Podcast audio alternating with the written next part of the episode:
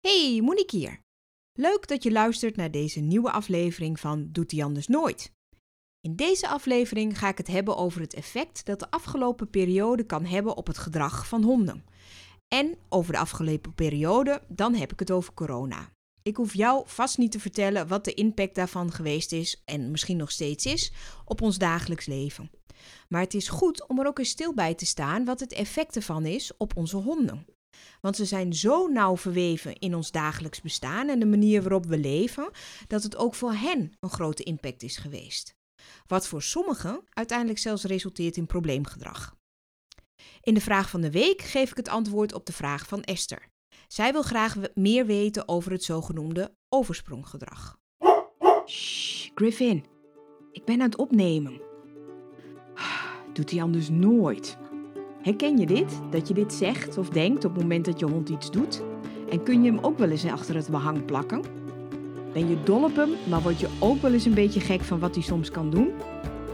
In deze podcast Doet hij anders nooit vertel ik elke week waarom je hond dat doet, hoe dat komt dat hij het blijft doen, of misschien ook wel niet, en natuurlijk wat je eraan zou kunnen doen.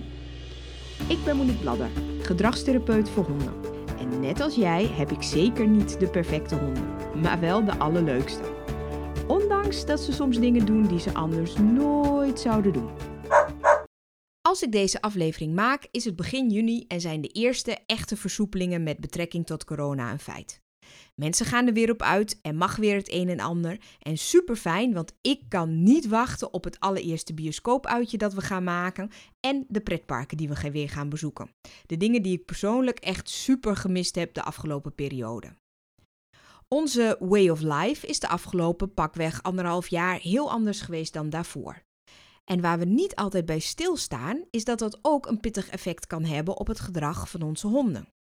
Hun dagelijks leven is zo verweven met dat van ons, dat het ook voor hen een impact heeft gehad.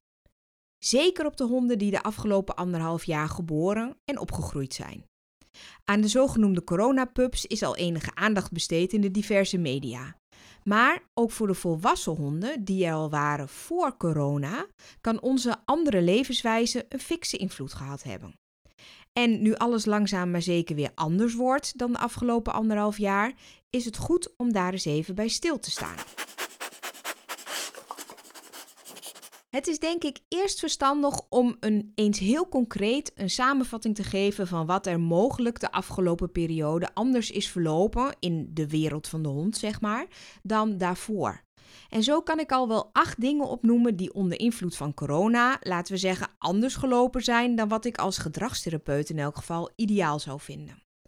Zo is er bij de meeste mensen uh, veel minder visite over de vloer geweest. Mensen gaan er, zijn er veel minder op uitgegaan, waardoor er ook veel minder grotere groepen waren en daar minder mensen in grotere groepen te zien waren. Heel veel hondenscholen en of hondentrainingen zijn de afgelopen periode niet of veel minder gegeven.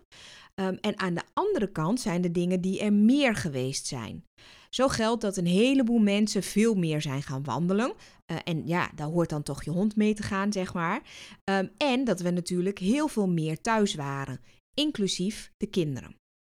En dan nog twee andere dingen die ik ook nog wel belangrijk vind om daar even bij stil te staan, is dat op het moment dat je hond naar de dierenarts moest, um, dat die daar waarschijnlijk toch iets meer um, zichzelf zou moeten redden. En dat er ook minder gelegenheid geweest is in het algemeen om hulp in te schakelen van een gedragstherapeut. Overigens zijn natuurlijk niet alle dingen die ik hier nu noem per definitie slecht of verkeerd.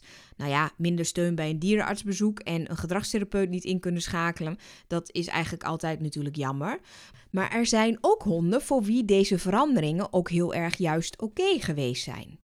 Als je bijvoorbeeld die ene hond hebt die tot nu toe visite spannend vond, is het voor hem waarschijnlijk een heerlijke rustige periode geweest. Maar als je dan van die afgelopen periode niet gebruik gemaakt hebt om te trainen, dan is het verschil met nu naar straks wel weer ons visite ontvangen misschien wel te groot voor je hond. Maar zeker voor honden die de afgelopen periode opgegroeid zijn en weinig visite of andere onbekende mensen over de vloer gehad hebben, zal er een effect zijn. Een effect dat te maken heeft met socialisatie. Het speelt ook een belangrijke rol bij veel andere dingen die ik hiervoor opnoemde. Socialisatie is ook de belangrijke factor als het gaat om problemen die zouden kunnen ontstaan omdat je er minder met je hond op uitgegaan bent naar bijvoorbeeld een terras of naar andere plekken waar je grotere groepen mensen zou kunnen ontmoeten. Ook het feit dat een heleboel hondenscholen en trainingen een hele tijd stilgelegen hebben, is van invloed op hoe goed die socialisatie geweest kan zijn. En om te begrijpen wat ik daar nou mee bedoel en wat de impact zou kunnen zijn, is het denk ik goed om nog even wat te vertellen over wat socialisatie nu eigenlijk is. Vroeger, en dan hebben we het over, nou ja, pak een beet 15 tot 20 jaar geleden, was de algemeen gangbare gedachte dat socialisatie ja, belangrijk was. Maar als je dan mensen vroeg wat socialisatie was, dan werd er gezegd: ja, hij moet kennis maken met van alles en nog wat. En alles wat hij dan nu meegemaakt heeft, dat is dan als volwassen hond geen probleem meer voor hem. Overigens wordt socialisatie toen en nu nog steeds op een hele andere manier ook gebruikt en wordt het samengevoegd als term waarbij um, waaronder dan alles valt wat maar iets te maken heeft met kennismaken met een, een andere prikkel. Um, maar dat is eigenlijk socialisatie niet. Want inmiddels weten we dat het toch wel een stuk genuanceerder ligt dan: oké, je hond moet kennis maken met en dan is het daarna, als hij volwassen is, vindt hij alles normaal. Het gaat er namelijk primair helemaal niet zozeer om dat je hond heel veel dingen meemaakt. Het gaat er vooral om dat je hond neutrale of positieve ervaringen heeft met verschillende prikkels. En dan is het mooi dat dat prikkels zijn die je hond vervolgens kan generaliseren naar andere prikkels. Dus um, Stel je voor dat je, je wilt graag dat je hond bijvoorbeeld vrachtwagens oké vindt. Dan hoef je niet op allerlei verschillende soorten vrachtwagens te gaan socialiseren. Als je hond dat maar kan generaliseren. En dat helpt dan als je, jouw hond daarmee een neutrale of een positieve associatie heeft. En het is daarom dus ook van belang dat je prikkels uitkiest in die socialisatie, waar je hond veel mee te maken gaat krijgen, straks als die volwassen is. En dat je dus ook let op de lichaamstaal van je hond. Want in het verleden was het heel vaak zo dat mensen bijvoorbeeld vanuit het idee: oké, mijn hond moet leren omgaan met kinderen, dat ze dan een pupje meenamen naar het schoolplein. Uh, en dan die pup, nou ja, bij wijze, midden van, bij van spreken midden op het schoolplein neerzetten. Dan kwamen er allemaal kinderen op af, die dat natuurlijk heel erg lief en schattig vonden. En die gingen allemaal met die kleine handjes aan de hond zitten. Ja, dat is voor een gemiddelde pup geen neutrale of een positieve associatie. Want dan is het wel ineens heel veel, al die kleine kinderen om je heen, die dan allemaal ook nog aan je zitten. Dan kun je dus beter ervoor kiezen om wel met zo'n pup naar een um, schoolplein te gaan. Maar dan eerst eens even aan de rand van het schoolplein te staan met je pup op de arm. En dat je kijkt naar wat geeft de lichaamstaal van je hond aan. Wat hij op dat moment van die kinderen vindt. Heeft jouw hondje zoiets van: Oh, maar dit is leuk. En je ziet een ontspannen lijf. En je ziet een kwispeltje. En je ziet dat hij wat nieuwsgierig is. Dan is het helemaal prima om één van die kinderen te vragen om, um, om je pup aan te raken. Dan niet gelijk met allemaal kinderen erbovenop, maar dat het één um, kind is wat dat dan doet. En als je hond het nog een beetje spannend vindt, en opnieuw, dat zie je dan dus aan de lichaamstaal van je hond, dan laat je helemaal geen kind aan, zit, aan je pup zitten, maar dan let je op of jouw pup bijvoorbeeld naar dat kind kijkt en dan geef je hem op dat moment een voertje of je gaat met hem spelen, zodat daar een positieve associatie ontstaat, dat er een positieve koppeling ontstaat tussen oké, als ik een kind zie, dan gebeurt er iets leuks. Dat is wat socialisatie is. Niet zomaar confronteren met prikkels, maar ervoor zorgen dat het voor een hond oké is, neutraal is. En daar dan proberen um, of die neutrale associatie te houden of er iets leuks van te maken. Dat jouw pup de afgelopen periode niet mee heeft gekund naar een hondenschool of naar een training, betekent dat je hond dus ook minder blootgesteld is aan andere honden en aan andere mensen. Niet mee naar de stad of naar een andere plek met meer mensen tegelijkertijd betekent geen neutrale tot positieve associatie met meerdere onbekende mensen. Of in elk geval dat je die associatie minder vaak hebt kunnen herhalen. Geen visite betekent dat je niet kunt leren als pup dat onbekende mensen in huis niet spannend zijn. En dat je, als je goed je best doet en met je poot aan de grond blijft, ook nog eens iets lekkers of iets leuks krijgt. Die kansen mis je allemaal. Als pup en als eigenaar van zo'n pup. En dan is het zo dat een hond in de periode van 5 tot en met 12 weken extra gevoelig is voor het opdoen van die associaties. Of beter gezegd, dat hij, zeker nadat hij acht weken oud is, eigenlijk eerder makkelijk iets spannend vindt dan dat hij heel open en vrij er naartoe gaat. Dus juist in die periode is het super belangrijk dat je neutrale tot positieve associaties maakt. En in de periode van ongeveer 12 weken tot een half jaar, en dit is natuurlijk per individu afhankelijk en sommige dingen zelfs een beetje rasafhankelijk, maar dit zijn de grote lijnen. Maar in die periode moeten alle kennismakingen het liefst nog een keertje weer herhaald worden met leuke consequenties. Om ervoor te zorgen dat het goed verankerd wordt in het geheugen van de hond. Ik vergelijk eigenlijk de hersenen van een pup nog wel eens met een apothekerskast. Dat klinkt een beetje gek, maar zo'n apothekerskast met allemaal van die lades erin. Dat zie ik dan zo voor me, zo'n oude bruine kast met allemaal van die kleine vakjes. En in de socialisatieperiode is het zo dat je pup in elk ladetje dat hij daar allemaal uh, instopt van oké, deze prikkel, daar vond ik dit van. Toen gebeurde er dit. Dat komt allemaal in die lades van die apothekerskast terecht. En op een gegeven moment, dus zo rond een half jaar zeg maar, gaan de meeste van die lades die gaan dicht. Niet potdicht. Want um, je kunt altijd associaties nog weer enigszins bijsturen. Maar dan is in principe die apothekerskast gevuld met nog een aantal lege lades waar altijd nog iets bij in kan. Ja, want vroeger dachten we ook dat aan de socialisatie na de socialisatieperiode helemaal niks meer te veranderen was en van invloed zou zijn.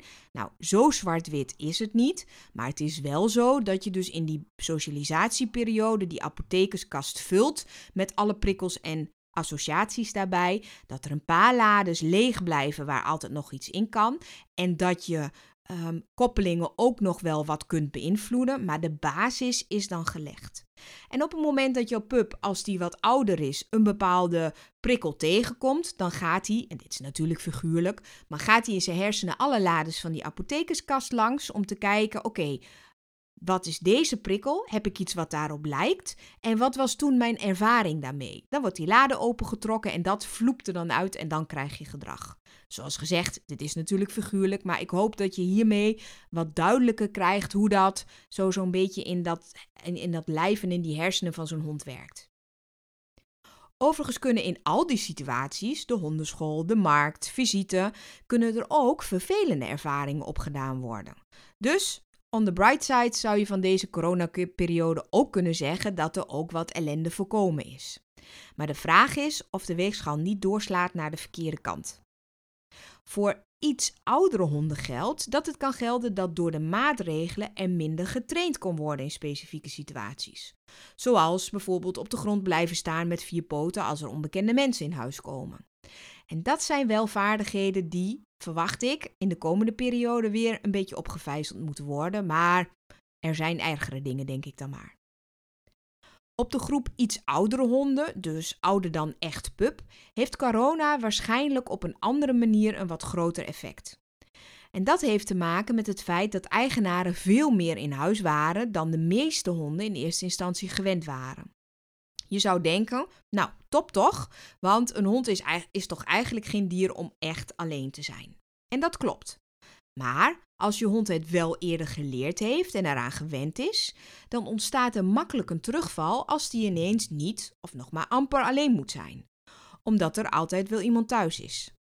Het is al eerder een bekend fenomeen dat honden die na bijvoorbeeld een lange vakantie of een periode waarin de eigenaar bijvoorbeeld vanwege ziekte meer in huis is, dat die soms problemen hebben om daarna weer alleen te zijn. Zeker als dat ineens weer verandert en het niet getraind wordt. De kans is groot dat er toch best wel veel honden zullen zijn voor wie dat ook nu gaat gelden. Minder thuiswerken, kinderen weer naar school, straks na de zomervakantie dan, en weer meer sociale uitstapjes vergroot het risico dat er problemen ontstaan rondom het alleen zijn. Zeker als er niet meer mee geoefend is of dat het niet opnieuw opgebouwd wordt. Op mijn website moniquebladder.nl vind je heel veel informatie over problemen rondom het alleen zijn. En ik ga vast en zeker daar ook nog een aantal podcastafleveringen over opnemen. Um, maar dit even voor nu over het alleen zijn. Het feit dat er de afgelopen periode meer te doen was in huis, kan ook nog op andere manier een keerzijde hebben gehad. Namelijk dat het zo druk was bij jou in huis dat het voor een hond lastig is om tot rust te komen. Ik weet dat er mensen zijn die zeggen dat je een hond het liefst zo weinig mogelijk alleen thuis laat. Maar ik ben ervan overtuigd, en dit zeg ik ook op basis van praktijkervaring bij klanten, dat het voor een hond, mits die natuurlijk geen problemen heeft met het alleen zijn, best heel lekker kan zijn als er een uurtje of drie per dag niemand in huis is. Geen gillende kinderen, geen bellende volwassenen, geen televisie die hard aanstaat, geen gamende mensen, maar gewoonweg rust in huis. Zodat een hond lekker kan bijtanken en zijn figuurlijke stressemmer kan legen. Luister overigens ook naar de andere afleveringen die ik gemaakt heb over stress, zoals die van vorige week over overprikkeling en die, die aflevering met tips om stress te verminderen. In datzelfde stuk zit ook het feit dat we, omdat we meer thuis waren, misschien meer de natuur ingetrokken zijn, meer zijn gaan wandelen. En natuurlijk kan dat niet zonder hond, want hé, hey, is de veronderstelling, die vindt dat leuk, dat wandelen. En dat is vast en zeker voor de meeste honden ook waar. Maar als je een hond hebt die bijvoorbeeld andere mensen, andere honden, bepaalde geluiden, verkeer, andere prikkels spannend vindt, dan stel je tijdens een wandeling je hond dus bij een langere wandeling langer bloot aan iets wat hij mogelijk spannend vindt. En nu niet overdrijven, hè, want ik zeg zeker niet dat je niet met je hond mag wandelen. Laat ik daar heel erg duidelijk in zijn. Maar voor sommige honden is het, net als met het alleen zijn, Helemaal niet zo erg als hij gewoon zijn dagelijkse wandeling van een uur heeft, met nog twee of drie korte plasrondjes en niet meer. Want alles wat je hond tijdens die wandeling meemaakt, moet hij ook nog weer verwerken. Heeft je hond geen issues, luister je gewoon naar deze podcast omdat je het leuk vindt om meer over gedrag te leren? Geen enkel probleem. Wandel bij wijze van spreken natuurlijk lekker totdat je erbij neervalt. Maar als er wel issues zijn of dreigen te ontstaan, weet dan dat je op dit punt al wel enige verbetering kunt krijgen als het gaat over de hoeveelheid stress die je hond in zijn figuurlijke emmetje heeft. Opnieuw, als je nu denkt, waar heeft ze het over? Check mijn eerdere afleveringen over stress en over stressreductie. De laatste twee effecten van de coronaperiode op het gedrag van je hond hebben te maken met, nou ja, hulpverlening. Namelijk met het bezoek aan de dierenarts en de mogelijkheid die je hebt, of beter gezegd de afgelopen periode minder had, om bijvoorbeeld een gedragstherapeut in te schakelen.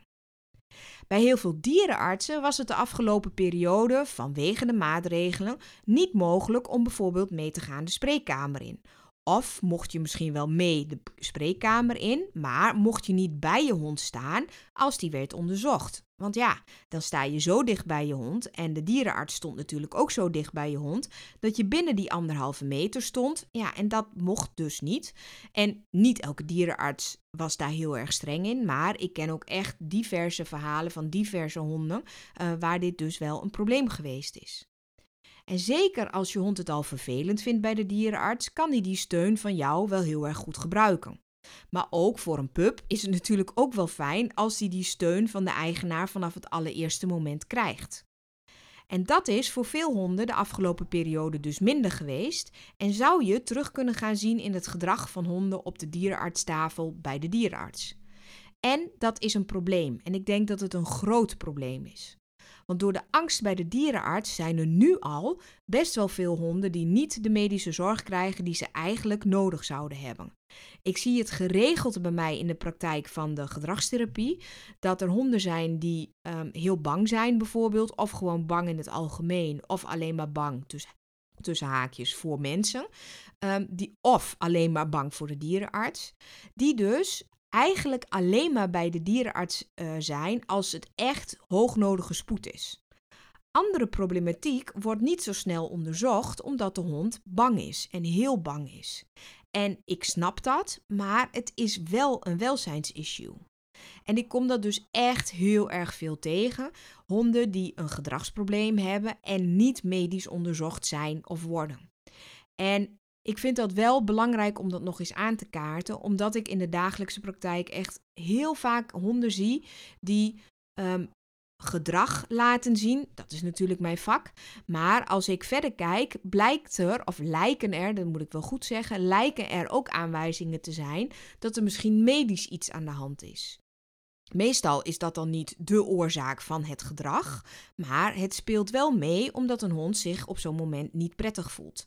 En daarmee is het wel een belangrijk stuk om uit te zoeken, maar daar komen we heel vaak niet toe, omdat de hond bijvoorbeeld dus niet naar de dierenarts durft of kan.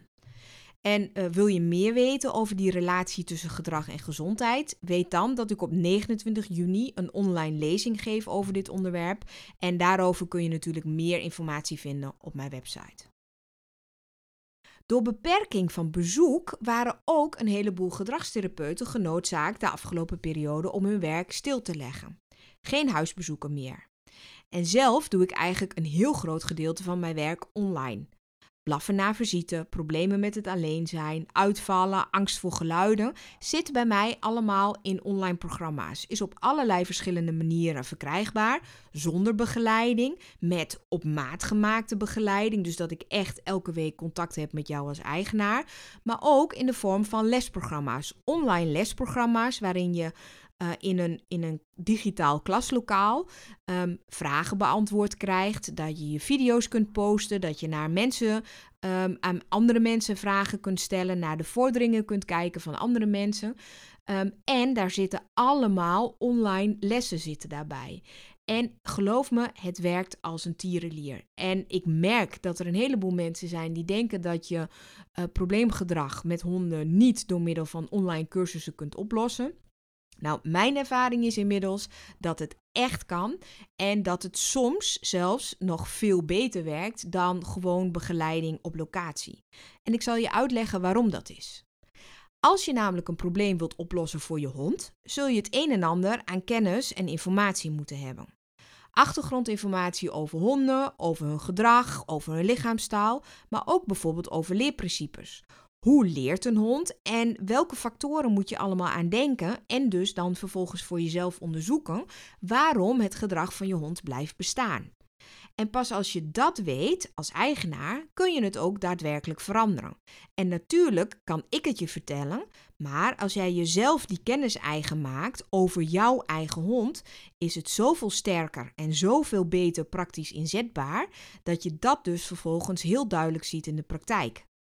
Want die achtergrondinformatie en die kennis is voor elke eigenaar van een hond met een bepaald probleem hetzelfde. En natuurlijk varieert vervolgens die toepassing daarvan per hond en per persoon. Maar in zo'n online programma kun je dat dus zelf uitzoeken als je zelf maar genoeg weet. En dan in combinatie met begeleiding kan ik je helpen om daar dan samen naar te kijken wat er voor jouw hond heel specifiek is.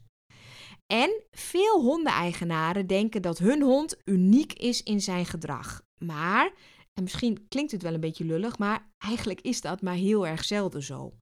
Heel veel problematiek heeft dezelfde achtergrond en vraagt dus ook vaak eenzelfde soort oefeningen en trainingen. Daarmee zeg ik overigens niet dat elke casus hetzelfde is. Dat is absoluut niet maar. Want je moet elke keer kijken naar het individu, van de hond en van de eigenaar. Maar wat je moet weten aan achtergrondinformatie en wat de basisoefeningen en trainingen zijn, ja, dat is heel vaak wel ongeveer hetzelfde. En, dan moet ik er ook bij zeggen, niet alles kan online, vind ik.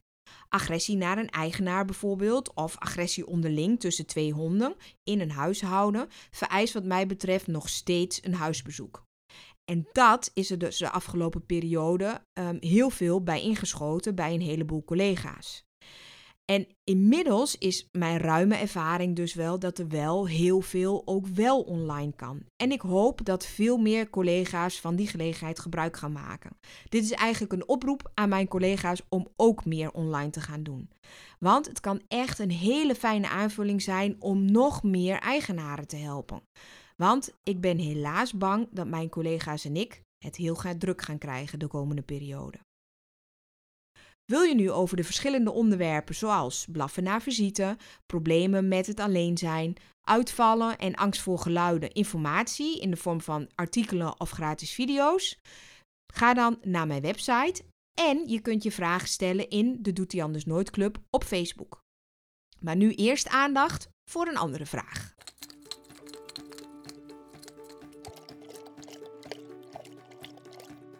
De Doet hij anders nooit? Vraag van de week. Hallo Monique, uh, wat fijn dat je mijn vraag wil beantwoorden. Uh, even kijken hoor, ik zou graag wat meer willen weten over overspronggedrag. Mijn hond heeft een dwangstoornis ontwikkeld waarbij ze constant snuffelt en dan tijdens het snuffelen nog angstiger wordt. Nou vraag ik me af of dat uh, snuffelgedrag overspronggedrag is of dat er een andere angst achter zit. Nou, alvast bedankt. De vraag van de week is deze week dus van Esther. Dankjewel voor je vraag. Heftig hoor, als ik je hoor over een dwangstoornis.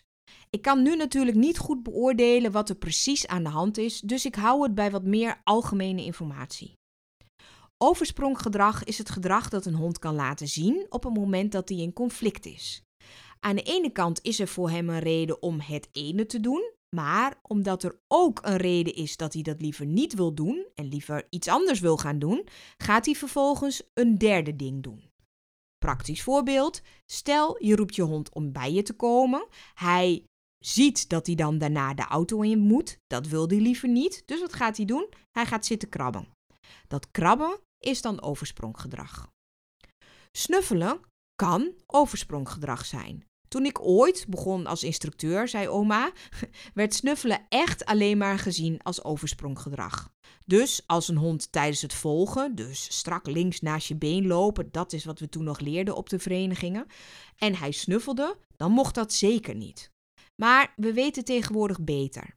Snuffelen is ook vaak een manier om informatie te verzamelen en kan stress verminderen. Het hangt er daarbij dus wel vanaf wat je hond ruikt. Via zijn neus krijgt hij een heleboel informatie. En als die informatie voor hem opwindend of bedreigend kan zijn, kan dat weer tot ander gedrag leiden. En ik kan er geen oordeel over vellen over het gedrag van jouw hond op basis van wat ik nu van jou weet, Esther. Maar ik zou het snuffelen in jullie geval denk ik geen overspronggedrag noemen. Ik denk dat er een andere achterliggende oorzaak is, ook omdat je het hebt over een stoornis. Afhankelijk van hoe dwangmatig het is, zou ik je adviseren hulp in te schakelen.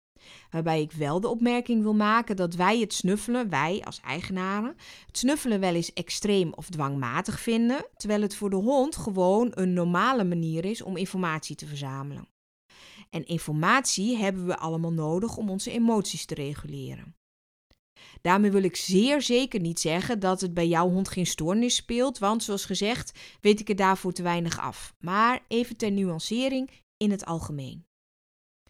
Met je vraag van de week win je een bellobox naar keuze, Esther, dus gefeliciteerd.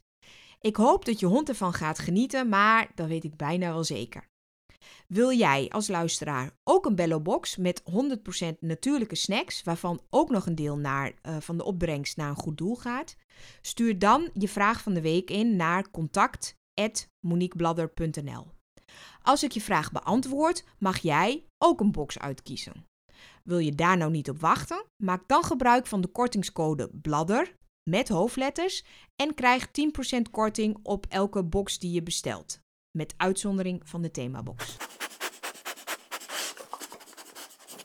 In deze aflevering besprak ik de effecten van de afgelopen coronaperiode op het gedrag van onze honden. Het zou nog maar zo voor diverse honden van een fikse invloed kunnen hebben op hun dagelijkse leven. Hou je hond de komende periode vooral goed in de gaten en denk na over de veranderingen die jouw hond heeft meegemaakt en nu met de versoepelingen misschien weer gaat meemaken. Wil je meepraten over dit of over andere onderwerpen met betrekking tot het gedrag van je hond? Ga dan naar de gratis Doet hij anders nooit club op Facebook.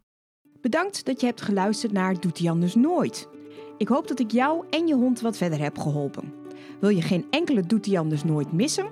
Abonneer je dan op mijn podcast en nog beter, laat een review achter. Zou ik super blij mee zijn.